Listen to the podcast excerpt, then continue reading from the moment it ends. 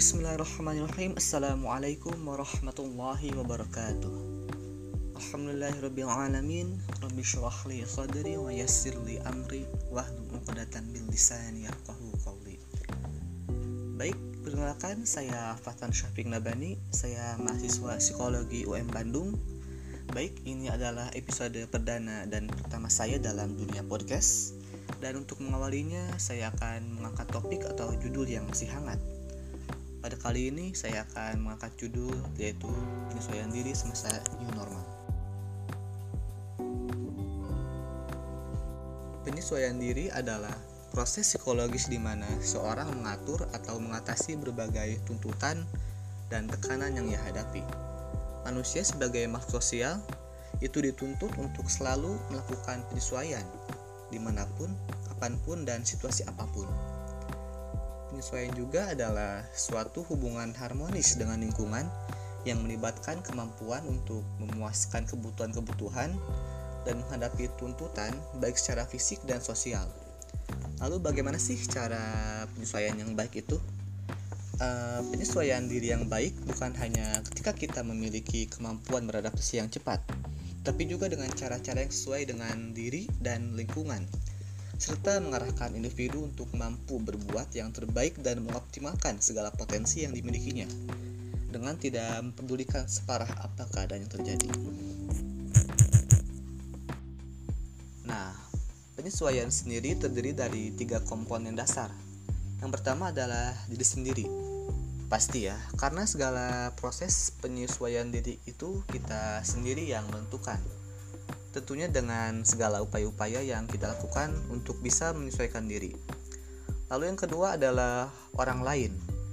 Selain diri sendiri, eh, orang lain pun ataupun teman mempengaruhi proses kita dalam melakukan penyesuaian diri. Dan tergantung juga bagaimana teman yang kita miliki ya. Apakah mereka akan membawa pengaruh yang baik atau bisa dikatakan mendukung kita ataupun sebaliknya. Lalu yang terakhir adalah perubahan.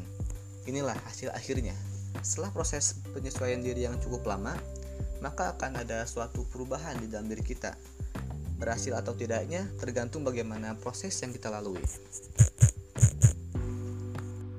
Sama halnya dengan keadaan sekarang, yaitu dengan adanya virus yang dinamakan COVID-19 sehingga dibentuklah suatu peraturan atau kebijakan yaitu new normal atau normal baru. Dengan adanya ini, cara persepsi tiap orang terhadap new normal akan berbeda-beda, di mana hal tersebut mempengaruhi cara masyarakat menghadapinya. Seorang psikolog di Indonesia yang bernama Jovita MC Psikolog, beliau menjelaskan bahwasanya masyarakat akan melalui tiga tahapan ketika menghadapi pandemi saat ini.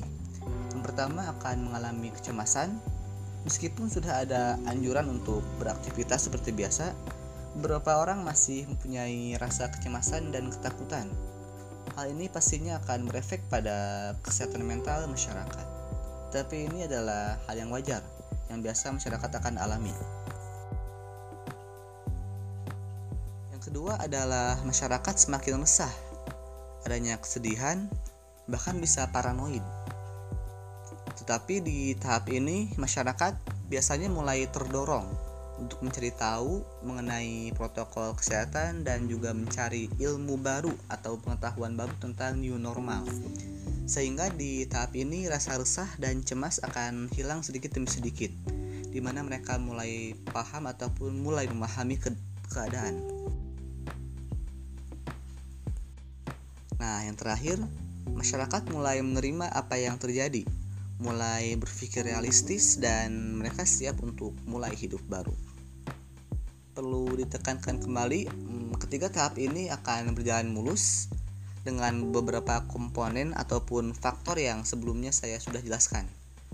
Yang pertama yaitu diri sendiri, yang kedua ada orang lain atau teman, lalu barulah adanya perubahan Nah, baik sekian episode kali ini. Terima kasih sudah mendengarkan dan juga nantikan ya episode selanjutnya. Semoga bermanfaat. Wassalamualaikum warahmatullahi wabarakatuh.